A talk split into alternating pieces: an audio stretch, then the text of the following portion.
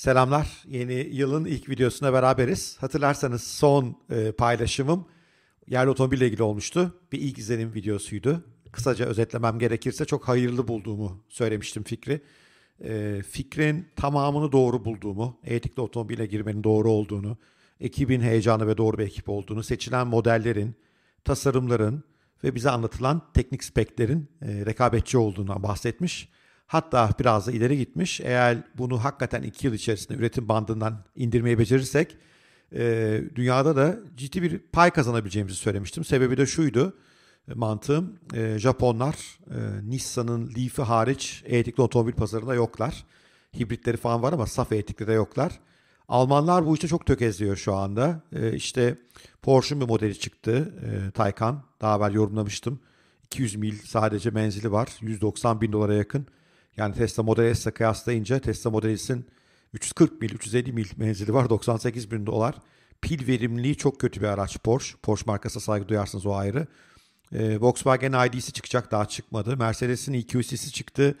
Ee, Amerika'ya yollayamadılar çünkü pilleri yok. Pil tesisleri yok Mercedes'in yetmedi pilleri. Audi'nin e-tron'u var. Şu anda epeydir piyasada. Avrupa'da biraz başarılı Amerika'da hiç yok gibi öyle düşünebiliriz. Jaguar I-Pace var. O da pek adı esamesi okunmuyor. Yani Avrupa bu işe hazır değil. Bunun hazır olmamasının sebebi e, içten yanmalı motorun kralı bu insanlar. Düşünün Mercedesler, BMW'ler. Bu elektrikliye geçişi pek arzulamadılar açıkçası. E, hep ayak sürdüler e, gördüğüm kadarıyla.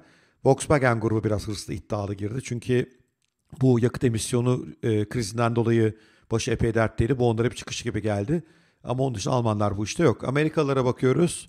E tabi Tesla var ama onun dışında Ford'un işte bizim bu yeni çıkan arabalardan SUV'ye benzeyen bir Ford Mach-E'si var. Fena bir araç değil ama daha seneye çıkacak üretim hattından. Ford'un pili yok. O da pili dışarıdan alıyor. E, GM'in uzun zamandır e, Volt diye bir aracı var pazarda.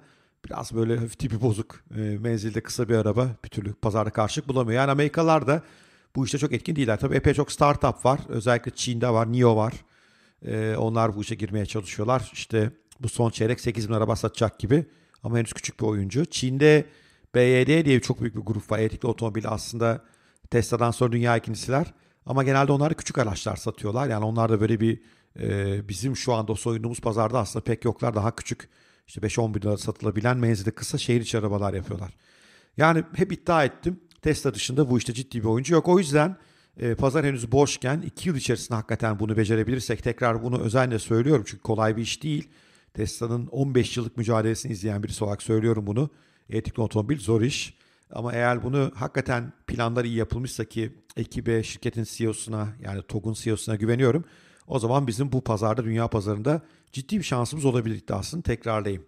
Ama tabii bizim vatandaşımız biraz fazla iddialı uçmaya başladı. Tesla'yı yeneriz, yenemeyiz. Ee, Volkswagen'i de büyük ihtimal yenemeyiz. Ama zaten bunları yenmemiz de gerekmiyor. Ee, kocaman otomobil pazarında biz kendimize boşluk bulabiliriz. Neden yenemeyiz? Yani Tesla tarafına baktığımız zaman 15 yıldır e, pazardalar. E, ve e, elektrikli arabaların şu öndeki rakamlara bakacağım en önemli e, performans göstergesi olan pil performansında çok ilerideler. Şöyle ölçülüyor elektrikli arabalarda bu. Pil pahalı bir şey. E, arabanın altına takıyorsunuz bunu. Ve işte 50 kWh saatlerden 100 kWh saatlere kadar çeşitli pil ebatları var araçlarda. Bizim araçlarda gördüğüm kadarıyla böyle pillere sahip olacaklar. Çok net açıklanmamakla beraber. Pil çok pahalı bir şey henüz. Ee, işte Tesla'nın bunu e, kilowatt saat başı pilde pili 120-130 dolara getirdiğini tahmin ediyoruz şu anda. Bu tabi radikal indi. 1000 dolarlardan indi. 100 doların altına inerse içten yapan arabalarla rekabet edebilir hale gelecek. Volkswagen grubu ben de işte bu fiyatları indireceğim diyor ama bu maliyet inmesi için bir elinizde volume gerekiyor, hacim gerekiyor. İkincisi e, batarya üretimini kendinizin yapması lazım. Şu anda Tesla dışında kendi batarya üretimini yapan otomobil şirketi yok. Almanlar bu işe şu anda yatırım yapıyorlar ama henüz yatırımlarını karşına almadılar. Yine General Motors'un Amerika'da bir yatırım var. Ford bir yatırımdan bahsediyor. Ama kendine ait bir e, Panasonic işbirliğiyle bir pil bataryası fabrikası olan bir tek Tesla var. E, bu Tesla uzun zamandır da bu teknoloji geliştirdiği için e, pilin e, bir enerjiye dönüşümünü ve tekerlekleri aktarım işini en e, verimli onlar yapıyorlar. İşte buna da 1 kilowatt saat e, pilde ne kadar e, mil gidebildiğiniz veya kilometre gidebildiğiniz de hesaplanıyor. Şu anda Tesla Model Standard Range bu konuda birinci. Sonra Chevrolet Model 3 geliyor. Sonra Tesla Model LR geliyor. Sonra Tesla Model 3P geliyor. Sonra Hyundai Kona var. Sonra Tesla Model Y, LR var. Sonra Tesla Model YP var. Sonra Tesla Model LR var. Yani Tesla burada son derece dominant.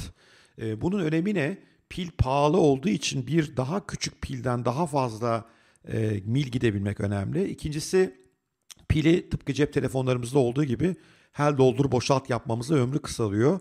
Bir milden e, bir kilowatt saatten daha fazla menzil alınca pili doldurma boşaltma ihtiyacınız da azalmaya başlıyor.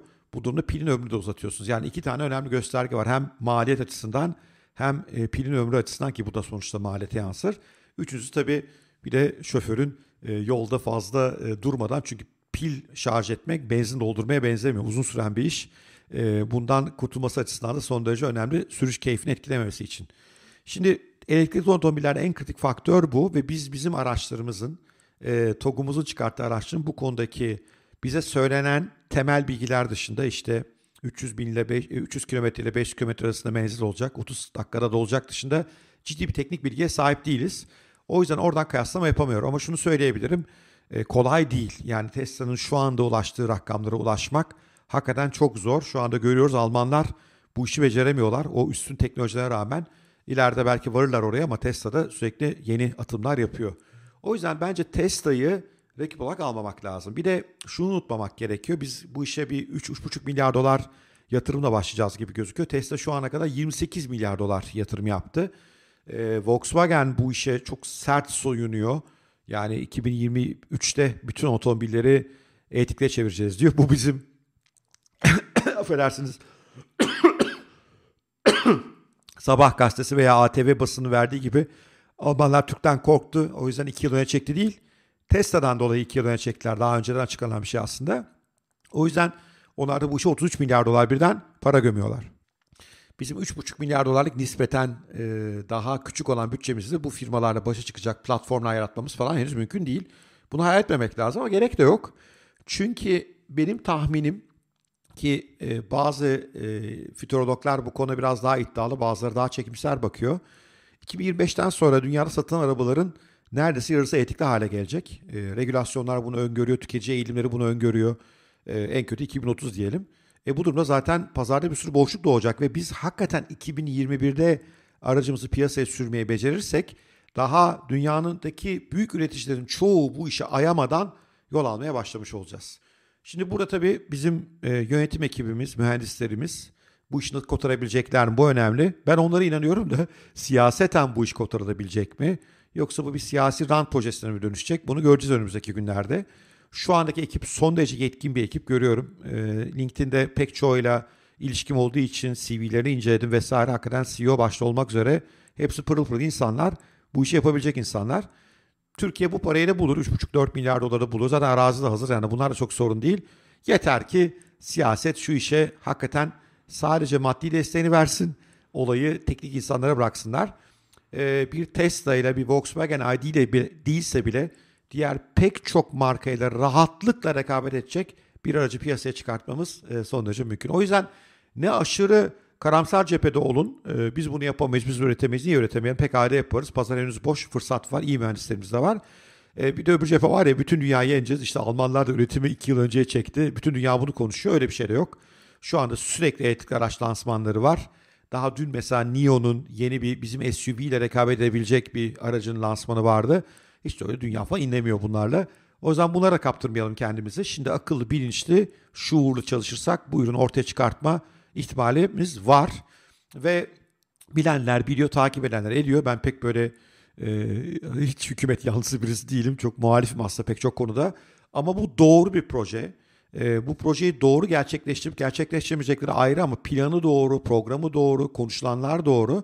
İnşallah doğru gerçekleştirirler diye sonsuz kredi açma taraftarıyım. Eğer e, şirketten beni takip edenler varsa TOG'dan ne zaman davet ederlerse onlarla konuşmayı, sohbet etmeyi de son derece isterim. E, Tesla'yı çok hakimim. Belki bir iki katkım olur eminim onlar da çok iyi incelemiştir ama belki bir iki şey söyleyeceğim de olur.